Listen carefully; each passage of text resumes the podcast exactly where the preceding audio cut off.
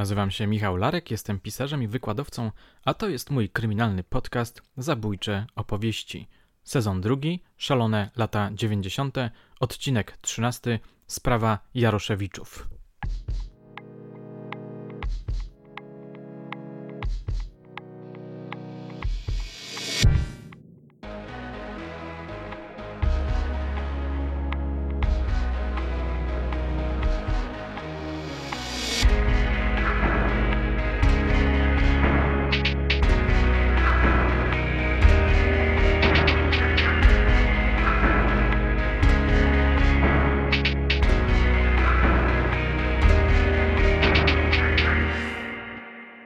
Drugi sezon zabójczych opowieści zmierza nieuchronnie do końca. Długo zastanawiałem się, jaką historią spuentować szalone lata 90. Ostatecznie zdecydowałem się na sprawę, która chyba najlepiej oddaje specyficznego ducha tamtego przełomowego okresu naszej kryminalnej historii najnowszej. Zabójstwo małżeństwa Jaroszewiczów. Dlaczego akurat ta sprawa? Zobaczcie sami, jakie elementy składają się na nią. Początek lat 90., którego tłem są jednak poprzednie dekady. Piotr Jaroszewicz był przecież bardzo ważnym perelowskim politykiem. W latach 70. piastował urząd premiera Polski Ludowej.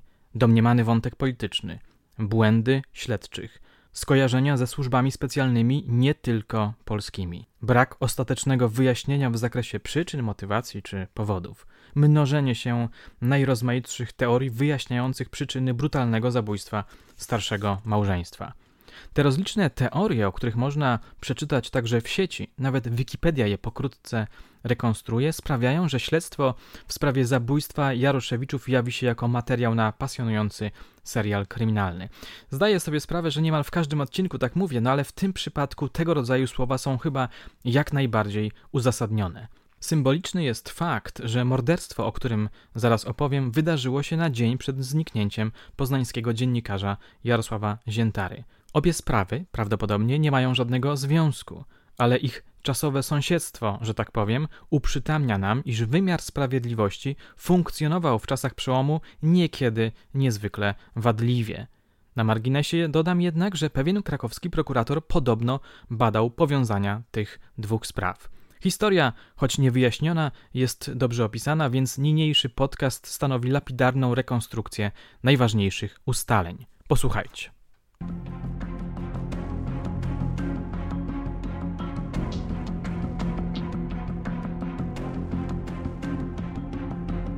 Przenosimy się zatem w czasie do 1992 roku.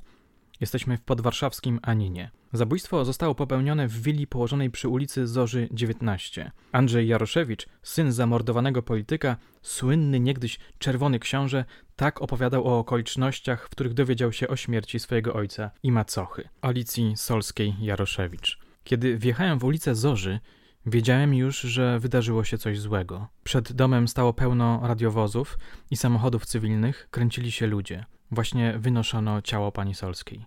Jaroszewicz wszedł do domu. Pamiętam, że dziwnie pachniało, opowiadał w wywiadzie rzece. Potem się dowiedziałem, że ktoś grzebał w szufladach kuchennych i wysypał wszystkie przyprawy. Na podłodze walały się potłuczone flakony perfum. W domu pełno było krwi, zwłaszcza w salonie i na schodach, wspominał. Ojca znalazłem na górze. Zamęczono go na śmierć. Długo torturowano. Przyznam, że dopóki go nie zobaczyłem, kurczowo trzymałem się nadziei, że przeżył. Tamten widok mną wstrząsnął, do tego stopnia, że przez następne dwa tygodnie nie zmrużyłem oka. Iza Michalewicz, znana reporterka, jeden z rozdziałów swojej książki Zbrodnie prawie doskonałe, poświęciła tej historii. Zaczyna ów rozdział od opisu miejsca zabójstwa, przedstawionego z punktu widzenia Jana Jaroszewicza, który znalazł ciało. Było wtedy około 23. Posłuchajcie fragmentu. Ojciec siedział w fotelu obitym jasno-szarą tkaniną. Prawa noga siedziska stała oparta na płaskiej brązowej walizce, co sprawiało, że mężczyzna był lekko odchylony do tyłu. Miał na sobie rozpiętą białą koszulę w błękitno-szarą kratę, granatowe spodnie podtrzymane paskiem, bordowe skarpety w jasne plamki, na jednej stopie szary pantofel. Druga stopa opierała się o podłogę boso. Lewa ręka w przegubie przywiązana do fotela czarnym paskiem leżała bezładnie na oparciu. Prawa na drugim oparciu spoczywała swobodnie. Głowa owinięta bandażem szukała ratunku przez szeroko otwarte usta. Spod bandaża cienkimi stróżkami spływała krew, kończąc swoją drogę w okolicach mostka. Na szyi zadzierzgnięty był pasek zahaczony z tyłu głowy o drewnianą góralską ciupagę, co tworzyło tak zwany krępulec. Okręcanie ciupagi włożonej w pętlę szyi musiało powodować zaciskanie tej pętli powolne podduszanie ofiary. Przerażony tym widokiem mężczyzna wybiegł z domu i pojechał na najbliższy komisariat powiadomić policję. Telefony były rozbite. Gdy policja przybyła na miejsce, odnaleziono Alicję Solską. Martwą. Była związana w coś, co policjanci nazywają kocią kołyską, pisze Michalewicz w swoim reportażu. Ręce do tyłu sznurkiem. A do sznurka wokół rąk kolejny sznur pionowo wzdłuż pleców połączony ze skrępowanymi nogami. Żona Jaroszewicza miała odstrzelone pół głowy. Co ciekawe, a nawet bardzo ciekawe, ktoś troskliwie podłożył Jasiek w białej poszewce w kwiatki, jak pisze reporterka, pod głowę zamordowanej kobiety. Od takich więc brutalnych obrazów zaczyna się sprawa morderstwa małżeństwa, które w życiu codziennym zachowywało niezwykłą ostrożność. Z tego co wyczytałem, Jaroszewicz lubił mieć przy sobie Waltera, a Solska Mausera. Czas akcji przełom sierpnia i września 1992 roku.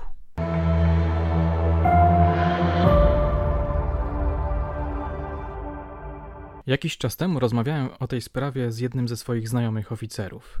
Przypomniał mi, że wtedy komendantem głównym był Poznaniak, generał Zenon Smolarek. W pewnym momencie wezwał on do stolicy poznańskich policjantów, żeby wspomogli warszawskich śledczych. Większość dziennikarzy podkreśla, że stołeczna policja nie do końca radziła sobie ze śledztwem. Jak wiadomo, bardzo ważne są ustalenia poczynione w czasie oględzin miejsca zbrodni. Liczni zwierzchnicy śledczych pozacierali ślady na miejscu zbrodni, pielgrzymując do niego bez umiaru, nie zachowując należytych środków ostrożności.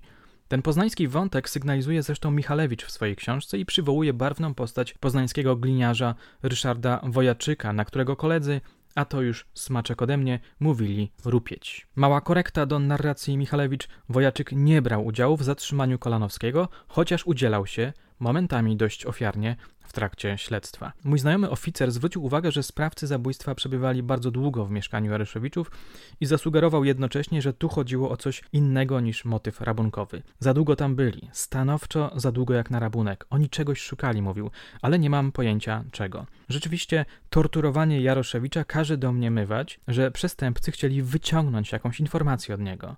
Dziennikarze zgodnie podkreślają, że w grę może wchodzić coś innego niż pieniądze czy drogocenne przedmioty. Niektórzy moi poznańscy rozmówcy z policji twierdzą, że tu jednak chodziło o rabunek. Zastanawia mnie fakt, że ktoś podłożył pod głowę Solskiej poduszkę. Po co to zrobił? Może to był ktoś bliski, znajomy, może to była kobieta? W reportażu Michalewicz pojawia się sugestia, że małżonka Jaruszewicza mogła zostać postrzelona przypadkowo, niechcący. Sięgam do tekstu Wiolety Krasnowskiej i Wojciecha Cieśni, dziennikarzy Newsweeka. Skoro nie pieniądze, to jaki był motyw zbrodni? Czytam. Dlaczego zabójcy na przemian torturowali i opatrywali ofiary? Zanim zginął 83-letni Jaroszewicz, ktoś owinął mu bandażem rozciętą głowę. Zmienił koszulę napoju. Leżącej w łazience Alicji Solskiej któryś z zabójców zostawił kubek z wodą do picia. Pytań jest więcej niż odpowiedzi. Dlaczego zabójcy związali lewą rękę Jaroszewicza, a prawą zostawili wolną? Żeby coś podpisał? Prokuratura nigdy nie ustaliła, co dokładnie zginęło z willi. Dalej mowa jest o relacjach rodzinnych bardzo skomplikowanych. Najbardziej wymowną okolicznością są chyba relacje Alicji Solskiej i Andrzeja Jaroszewicza, Macochy i Pasierba. Z tego, co mówił w różnych miejscach Czerwony Książę, wynika, że był on ofiarą przemocy domowej ze strony Solskiej. Dziennikarze piszą, że był brany pod uwagę motyw rodzinny. Według ich rozmówcy, byłego policjanta, ten motyw nie potwierdził się. Wracam do Newsweeka. Po ośmiu miesiącach śledztwa nastąpił przełom. Trzy kartki w tomie dziesiątym akt sprawy. Notatka służbowa dwóch policjantów z 20 maja 1993 roku. Opisuje napad sprzed kilku lat na Barbarę S. w Aninie. Tam sprawcy też wkroczyli w nocy, też skrępowali ofiarę, ogłuszyli psa, też torturowali i na przemian podawali wodę i leki. Policjanci sugerują, że sprawcą pierwszego napadu na Barbarę S. mógł być Wacław K., pseudonim Niuniek. Jego syrenę Bosto widziano w okolicach domu Barbary S. Widziano go też, gdy ktoś próbował włamać się do miejscowego kiosku. Brzmi interesująco, prawda? Ale posłuchajcie dalej tej rekonstrukcji. Prokuratura namierza trzech wspólników Niuńka i w 1996 roku sadza całą czwórkę na ławie oskarżonych. Wszyscy to recydywiści, drobne złodziejaszki. Żaden się nie przyznaje. Obciążają ich zeznania dwóch konkubin, które słyszały rozmowy o napadzie na starego dziada. Oprócz tego koronny dowód. Finka, którą zabrali z willi Jaroszewiczów w Aninie. Policjanci odnajdują ją w mieszkaniu jednego z aresztowanych. W innych rekonstrukcjach, np. Michalewicz czy Andrzeja Jaroszewicza, pojawia się niejaki faszysta, jeden z członków tej właśnie grupy. To podobno zeznania jego kochanki odegrały ważną rolę w śledztwie. Sąd rozprawia się z aktem oskarżenia bez litości piszą dziennikarze Newsweeka. Okazuje się, że prokuratura zlepiła na siłę łańcuch poszlak, konkubiny odwołują zeznania ze śledztwa. Na kasecie, na której miały być utrwalone oględziny, zarejestrowano przez przypadek czyjś ślub, kompromitacja. Interesujący jest wątek Finki. Prokurator chwyta się brzytwy, wracam do Newsweeka, czyli Finki. Ale podobnych noży jest w Polsce kilkanaście, a zdanie Andrzeja Jaroszewicza z radykalnego to ten sam nóż zmienia się w sądzie na to taki sam nóż. Po trzech latach procesu prokurator wycofuje się ze wszystkich zarzutów, sąd uniewinnia całą czwórkę, za parę lat dostaną po kilkadziesiąt tysięcy odszkodowania za niesłuszną odsiadkę. Ciekawie mówi o tej grupie Andrzej Jaroszewicz. Prawdopodobne jest, że w noc morderstwa tych czterech faktycznie znajdowało się przy ulicy Zorzy. Od kogoś pewnie dostali cynk, że dom warto złupić, przygotowali się, weszli do środka i znaleźli dwa trupy. Wtedy w panice złapali, co wpadło im w ręce i dali nogę. Co wy na taką wersję? Zdziwicie się, ale w Poznaniu podobna sytuacja miała miejsce. Banda młodych złodziei, będąca pod wpływem narkotyków, włamała się do pewnego budynku i natknęła się na zwłoki zamordowanego stróża. Chłopcy byli jednak tak mocno oszołomieni, że nabrali przekonania, że to oni dokonali zabójstwa. Kiedy policja ich namierzyła, przyznali się do niego. Dopiero później do winy, rzeczywistej winy, przyznał się ktoś inny. Opowiem o tym kiedyś. Ale teraz wracam do meritum.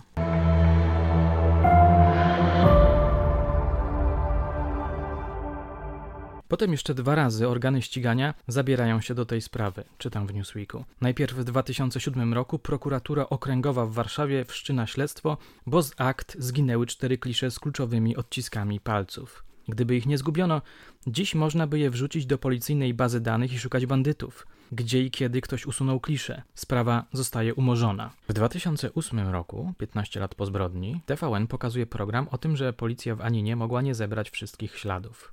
Robi się zamieszanie. Prokuratura prosi sąd o akta z uwagi na ujawnienie nowych okoliczności zabójstwa. Ale śledczy czytają uważnie akta i stwierdzają, że w sprawie nie ma żadnego nowego wątku. Koniec? Nie. Pozostają zagadki. W jaki sposób uzbrojony Jaroszewicz, który obsesyjnie bał się napadu, dał się podejść sprawcom? Artykuł kończy się wymownie i po raz kolejny uzmysławia, jak wiele dziwnych błędów popełniono w trakcie czynności. Wiele osób zastanawia się, czy te błędy i zaniechania były intencjonalne. Jeszcze jeden cytat, posłuchajcie. Policyjny emeryt Jerzy Skrycki, były szef grupy, która szukała zabójców, nie daje mi spokoju myśl. Ta sprawa nigdy nie doczekała się analizy kryminalnej. Przecież w Polsce są ludzie, którzy świetnie robią takie rzeczy. Ktoś powinien zbadać to wszystko jeszcze raz. Zabójcy? Myślę, że są na wyciągnięcie ręki. Właśnie. Dlaczego? Jestem ciekawy, czy ów policjant miał jakieś konkretne osoby na myśli. Wrócę jeszcze na chwilę na miejsce zbrodni. Zwracałem wcześniej Waszą uwagę na to, że ktoś podłożył Solskiej poduszkę pod głowę. Jakby troskliwie, jakby, no cóż, to wymowny gest, prawda? Pytanie, czy autentyczny, czy wyreżyserowany. Jest jeszcze jedna kwestia. Pies Jaroszewiczów. Bardzo groźny pies. Nie cierpi obcych, piszą dziennikarze Newsweeka. Jest tak groźny, że kucharka Jaroszewiczów zgadza się gotować tylko wtedy, gdy pies jest pod kluczem. Jak pies znalazł się zamknięty w sypialni? Dlaczego nikt go nie zabił, choć zabił Jaroszewiczów? No właśnie, dlaczego?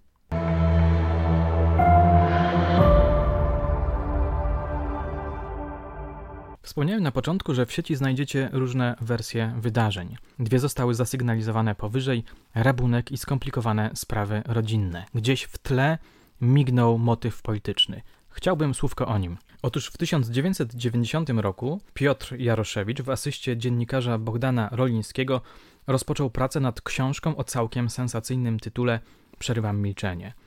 Miała to być książka uderzająca w niektórych PRL-owskich polityków – na przykład w generała Wojciecha Jaruzelskiego, ale i konfidentów opłacanych przez MSW, którzy, jak rozumiem, robili kariery polityczne po 1989 roku. Wspomnienia premiera, wydane w nakładzie 50 tysięcy egzemplarzy, sprzedały się niemal w całości, pisze Michalewicz. Piotr Jaroszewicz planował napisać drugą, uzupełnioną ich część nie zdążył. Czytam właśnie te wspomnienia. To autorska wizja dwudziestowiecznej polskiej historii politycznej, poprowadzonej do początku lat 90. Przesycona jest żywą niechęcią do ekipy generała Jaruzelskiego, która przejęła władzę w latach 80., w brutalny sposób rozliczając się z Jaroszewiczem. Podobno druga część miała być bardziej szczegółowa. Andrzej Jaroszewicz mówił parę lat temu, że jego ojciec chciał wyjawić informacje, które mogłyby przedstawiać w złym świetle byłych agentów SB. Sylwia Grzybowska, która przeprowadziła wywiad rzekę z Andrzejem Jaroszewiczem, powiedziała coś takiego. Najbardziej prawdopodobne jest to, że zabójcy chcieli odebrać twojemu tacie dokumenty kompromitujące niektórych polityków. Posiadał on kserokopie listy płac konfidentów, którzy pracowali dla MSW. Ujawnienie nazwisk mogłoby zaszkodzić wielu pierwszoplanowym postaciom z tamtych czasów. Dalej mowa jest m.in. o sieci agenturalnej czy Solidarności. Nie wiem jak wy, ale ja tu słyszę sugestię, że to mogło być zabójstwo na tle politycznym na zlecenie kogoś, kto mógł działać po 1989 roku po niekomunistycznej stronie sceny politycznej. Czy ma to uzasadnienie w faktach? Nie mam pojęcia. A może jednak chodziło o jakieś polityczne zaszłości? Wrócę jeszcze do artykułu z Newsweeka i pytania, czego obawiał się Jaroszewicz. Czego się bał? Piszą dziennikarze. Bogdan Roliński, były dziennikarz Trybuny Ludu, w śledztwie opowiedział o obsesji premiera, który bał się, że zostanie zabity. Uważał, że jego wypadek w helikopterze w latach 70. nie był dziełem przypadku. Bał się podsłuchów. W czasie procesu sąd spytał ówczesny Urząd Ochrony Państwa, czy willa Jaroszewiczów była podsłuchiwana. UOP odpowiedział, że nie, ale śladu tej odpowiedzi nie ma w aktach. Czy skrywa ją tom akt tajnych tej historii? Jak wiemy, ze sprawy Jarosława Ziętary UOP mijał się niekiedy z prawdą, odpowiadając na tego rodzaju pytania. O innych teoriach kąśliwie mówi Piotr Pytlakowski, znany dziennikarz polityki. Po upływie 20 lat wciąż pojawiają się nowe, czasami zupełnie wydumane wersje zdarzeń, po rewelacjach pewnego historyka śledczy na poważnie sprawdzali, co łączyło Piotra Jaroszewicza z Tadeuszem Steciem, przewodnikiem sudeckim, działaczem PTTK z Jeleniej Góry. Ponoć w 1945 roku Jaroszewicz, wówczas pułkownik Ludowego Wojska Polskiego wraz ze znajomym Jerzym Fonkowiczem, późniejszym generałem i Tadeuszem Steciem, przejęli w Radomierzycach hitlerowskie archiwum cennych dokumentów z całej Europy. Steć został zamordowany w tajemniczych okolicznościach we własnym domu w styczniu 1993 roku. Podejrzany o popełnienie tej zbrodni został uniewinniony. Generała Fonkowicza też zamordowano w październiku 1997 roku podczas napadu rabunkowego na jego willę w Konstancinie. Śladów rzekomego archiwum hitlerowskiego do dziś nie odkryto. Ostatnio krąży nowa sensacja, kontynuuje Pytlakowski, ponieważ kilka lat temu ujawniono, że z akt sprawy Jaroszewiczów zginęły odciski palców zdjęte w ich domu, a należące do nieznanej osoby w tej sprawie nadal toczy się śledztwo. Jeden z dziennikarzy specjalizujący się w snuciu fantastycznych teorii głosi, że Jaroszewiczów zamordowało tajne komando byłych funkcjonariuszy SB i radzieckiego KGB, tych samych, którzy pozbawili życia księdza Stefana Niedzielaka w 1989 roku. Tam też zostały odciski palców należące do jednego z napastników. Co ciekawe, jego artykuł z 2012 roku kończy się informacją, że według policjantów pracujących przy sprawie zabójstwa Jaroszewiczów prawdziwymi sprawcami są przestępcy, których posadzono na ławie oskarżonych w 1996 roku, a których potem uniewinniono. Problem sprowadza się do za słabych dowodów, zasugerował jeden z policjantów. Artykuł Pytlakowskiego kończy się frapującą sceną. Mowa o nim jest o faszyście, który Cytat wyszedł z więzienia w 2005 roku, zamieszkał z inną kobietą w zamku nad rzeczką przepływającą przez Mińsk. Posłuchajcie. Nigdy nie będziecie wiedzieć, ani dziennikarze, ani prokuratorzy, co tam się naprawdę wydarzyło. Rzuca przez zęby i woła swoje psy. Dwa pitbulle szczerzące kły. Tak właśnie zareagował faszysta po latach. Co o tym myśleć? No właśnie, oto jest pytanie. Jest jeszcze jedna teoria, która nawiązuje do przeświadczenia, że Piotr Jaroszewicz był człowiekiem, który znał bardzo dużo politycznych tajemnic. Michalewicz pisze, że według Rolnickiego były premier dowiedział się tuż po wojnie od generała Karola Świerczewskiego, że Sowieci mieli wprowadzać do Polski swoich agentów w postaci matrioszek. Przypomnę, że generał Świerczewski został zamordowany w 1947 roku. Okoliczności tego wydarzenia do dzisiaj budzą spory. Miało polegać to na tym, że, pisze Michalewicz, przysyłano ludzi podstawionych za Polaków, którzy faktycznie ginęli na terenie ZSRR, tak zwane matrioszki, od słynnych drewnianych rosyjskich lalek wkładanych jedna w drugą. Matrioszkami mieli być ludzie na najwyższych szczytach władzy, m.in. Bolesław Bierut, Józef Światło czy Wojciech Jaruzelski. Niektórzy twierdzą, że wiedza na ten temat mogła być motywem zbrodni. Brzmi to zaiste fantastycznie, wracam więc do konkretów. Oto w zeszłym roku, to jest 2018, pojawiła się sensacyjna wiadomość.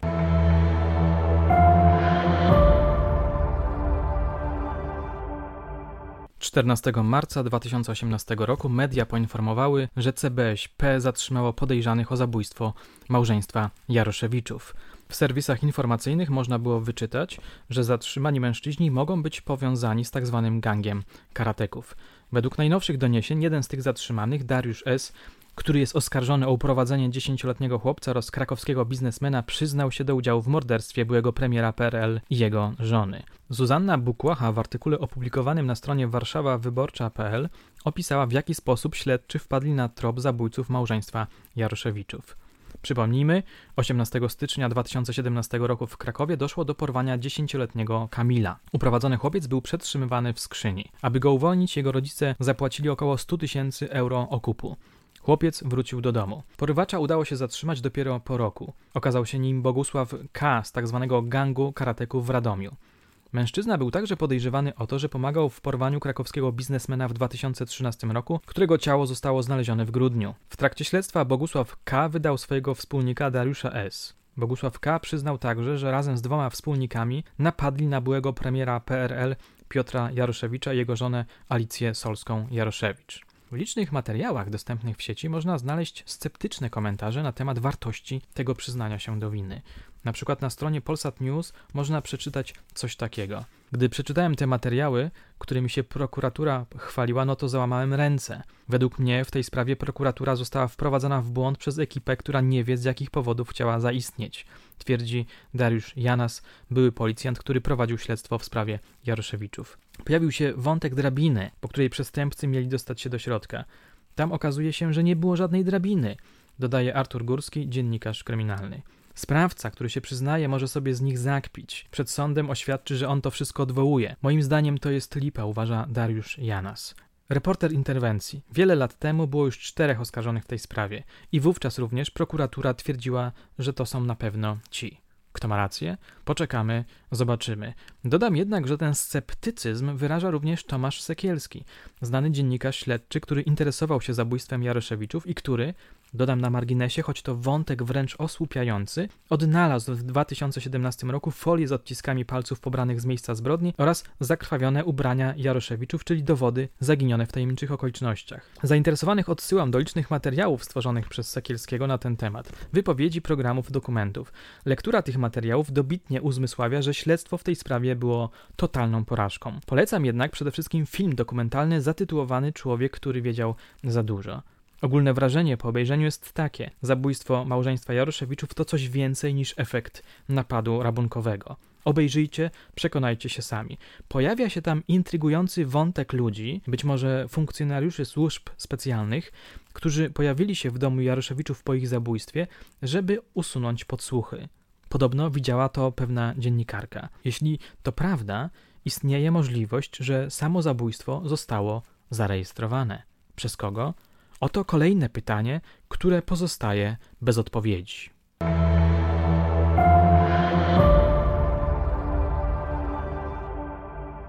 Moje drogie, moi drodzy, drugi sezon zabójczych opowieści zatytułowany Szalone lata 90. dobiegł właśnie końca. Co teraz? Zapytacie zapewne. Co będzie dalej? Do końca tego roku będę nagrywał odcinki specjalne. Wypuszczę też wideo, w którym odpowiem na Wasze pytania, tak zwane QA. W przyszłym roku ruszam z nowym sezonem zatytułowanym Opowieści Starego Szkieła. Będę również opracowywał nowe pomysły na kolejne historie. Czy kończę naprawdę z latami 90.? Oczywiście, że nie. Pojawią się na moim kanale jeszcze nie raz historie z tamtego okresu. Jeszcze jest dużo do opowiedzenia. Tymczasem zdradzę Wam ciekawostkę. Otóż odezwał się do mnie niedawno słuchacz, który prawdziwie mnie zelektryzował.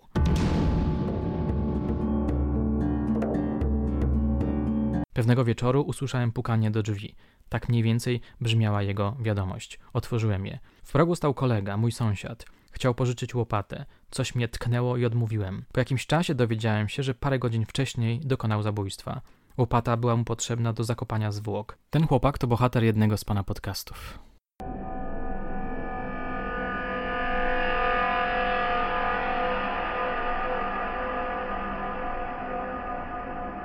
Jak się pewnie domyślacie, spotkałem się ze swoim słuchaczem. Być może powstanie z tego jakaś większa rzecz. A na dzisiaj to wszystko. Dziękuję Wam wszystkim za uwagę. Do usłyszenia niebawem.